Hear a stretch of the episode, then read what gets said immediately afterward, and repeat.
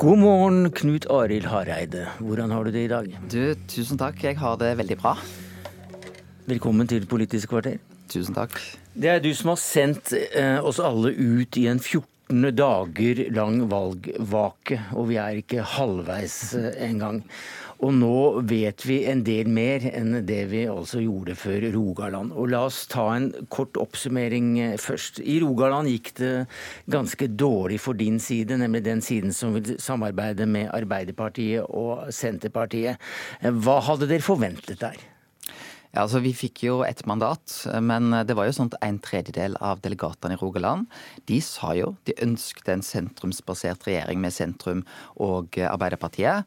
Men det gjenspeilte seg ikke i de delegatene. Men jeg må nok eh, være så ærlig og si at oppslutningen i Rogaland, eh, at jeg fikk en tredjedel av de som var på fylkesårsmøtene til å gå for mitt alternativ, var nok flere. Så hadde jeg ønsket selvfølgelig flere delegater til landsmøtet, for det er jo det som avgjør. Mm, for partiet hadde regnet med fire. Ja, Det er klart at vi gjør våre beregninger, det tror jeg eh, begge sider gjør her. For vi har lyst til å, å, vinne dette, for det er viktige ting som står på spill. Men så har det òg nå vært nå flere fylker som har kommet i etterkant. Og det har jo òg i delegater gitt en veldig god oppslutning for det alternativet jeg peker på. Så det har gått litt bedre andre steder enn dere hadde forutsett eller forventet, og dårligere i Rogaland. Hvordan ligger det an da nå eh, i forhold til eh, prognosene for å kunne dra det hele i havn? Litt under? Eh, vi ligger nok litt under på mandatmessig, men det er klart at eh, en, en, en sånn så, en sånn, et fylke som Buskerud, mm. der eh, hadde jeg vært beredt på at mitt alternativ skulle komme i mindretall, mens det kom i et ganske stort flertall. Og vi har gjort det veldig godt i fylker som Hedmark, eh, Oppland og Finnmark, så jeg er optimistisk. Men så er det òg sånn at jeg tror vi veit ikke denne beregningen før vi kommer til 2. november. For det er ingen fylke som sender bundne delegater. Det er en skriftlig votering. Så selv om jeg ligger godt an 1.11, eller den andre sida ligger godt an 1.11, så er det umulig å si hvordan resultatet mm. blir. Jeg tror, og, og resultatet debatten... det kommer også da om ni dager, ti timer og skal vi se, nå er klokka ja, og 43 minutter. Da er resultatet klart, og da vet du om din side har eh, vunnet. Og da vet også vel Norge om du er leder av eh, KrF. For eh, vi har jo da sikre kilder på at du selv har sagt at du ikke du er det hvis landsmøtet går imot deg. Jeg har sagt hele veien at nå skal vi diskutere det veivalget som KrF skal ta. Hvorfor er det så viktig for deg nå som det er ute og alle vet det? Jeg vil aldri kommentere hva som er sagt eller ikke sagt i våre interne møter. Nei, Det er greit, men du kan vel nå si at jo da, jeg trekker meg. Selvsagt det ville vært helt unaturlig for meg å lede forhandlinger med, med høyresiden. Jeg har hele tida sagt at nå skal vi diskutere mm. det veivalget som KrF skal ta. Det er en stor beslutning for vårt parti. Det er en viktig beslutning, og jeg tror det er viktig at vi fokuserer på det og har respekt for det. Men skjønner du at folk syns det er litt rart at du ikke du kommer ut av det skapet? Jeg tror alle som har sett meg i, siden 28.9, har nå sagt, eh, sett og hørt at vi skal fokusere på det veivalget vi skal gjøre 2.11. Og jeg vil ikke bidra til at vi gjør noe andre ting enn nettopp det. Det er et viktig veivalg, og det skal vi fokusere på. Du, det er kommet uh, anklager om, uh, om kupp fra flere hold, også innen ditt parti og innen partiets eh, ledelse. Det er full splittelse i eh, partiledelsen, der nestlederne kjemper altså mot ditt eh, veivalg. Det er mistenksomhet, det er et salig surr under, under valgene av delegatene. Det er mangel på retningslinjer, prosedyrer, det er hasteinnkallelse til ekstraordinært landsstyremøte på telefon for å redde stumpene. Parlamentarisk nestleder sier at prosessen er udemokratisk. Møtet i Rogaland overkjørte mindretallet, stemmekaos som avgjør også da kanskje Norges framtid, hvem som skal styre landet. Hva sier du til alt dette? Det blir selvfølgelig veldig mange spekulasjoner under en sånn uh, prosess. Jo, men, sier men bare, bare, du til at ja, det er ganske jeg tror, at det framstår som ganske rotete? Jeg tror jeg tar det steg for steg. F.eks. det at vi hadde et ekstraordinært landsstyremøte. Det var fylkesledere som tok kontakt med partiledelsen. Kan vi ikke nå ta en fot i bakken, diskutere sammen? Og det gjorde vi selvfølgelig. Det var ingenting dramatikk i det.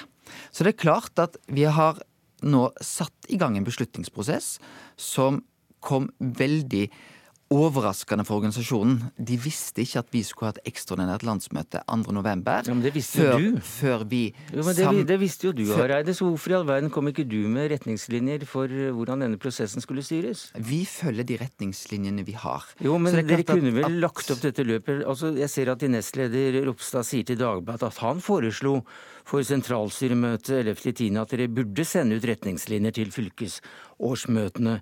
Men sitat, det ønsket man ikke. Og hvorfor ønsket man, og det er vel deg, da? Ikke det. Vi var enige om hvordan vi skulle håndtere dette. Vi var enige om at vi skulle det er, følge oss til, de, til de retningslinjene som vi har.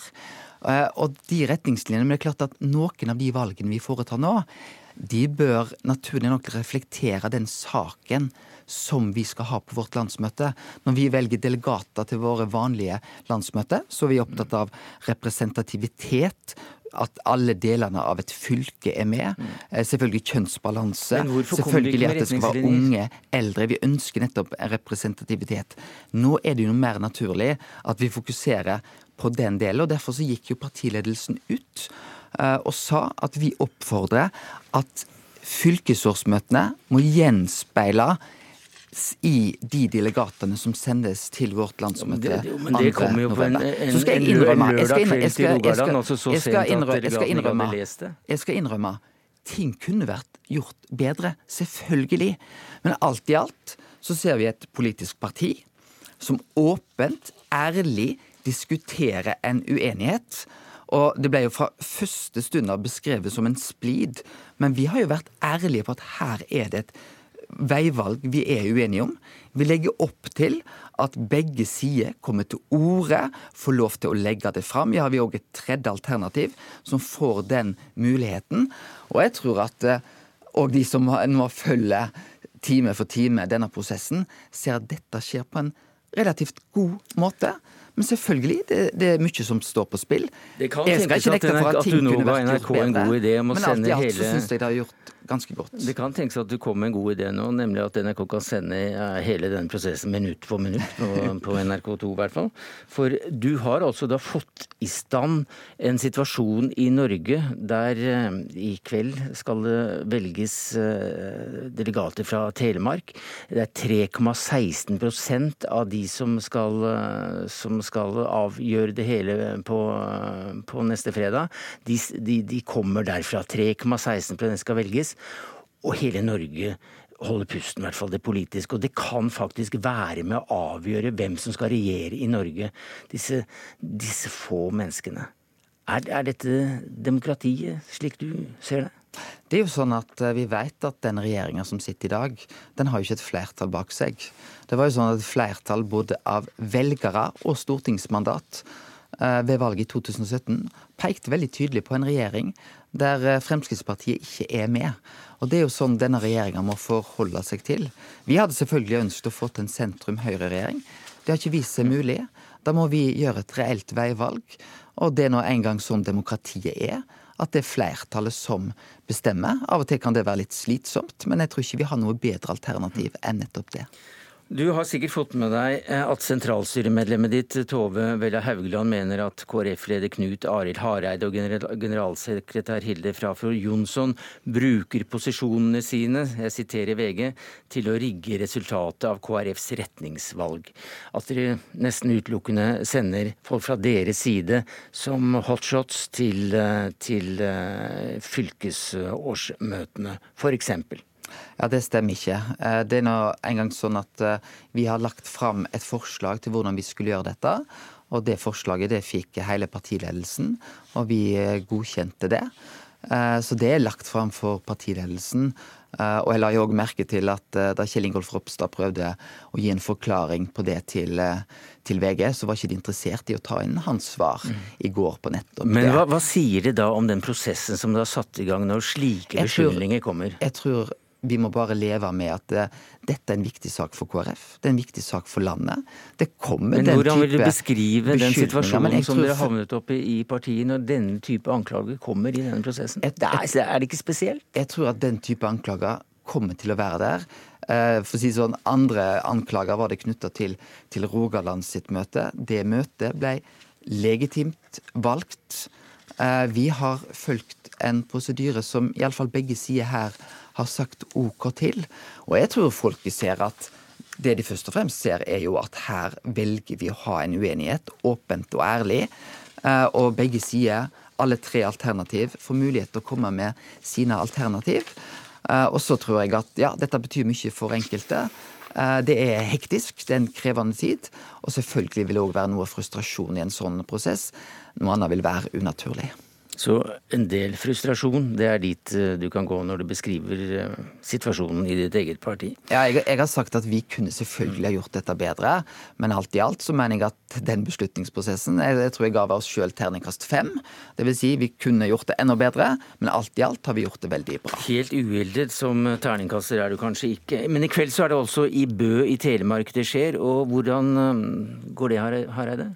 Det tror jeg er et veldig åpent uh, fylke. Uh, hvis vi skal ta amerikansk uh, kategori, så er det en sånn swing state, vil jeg kalle det.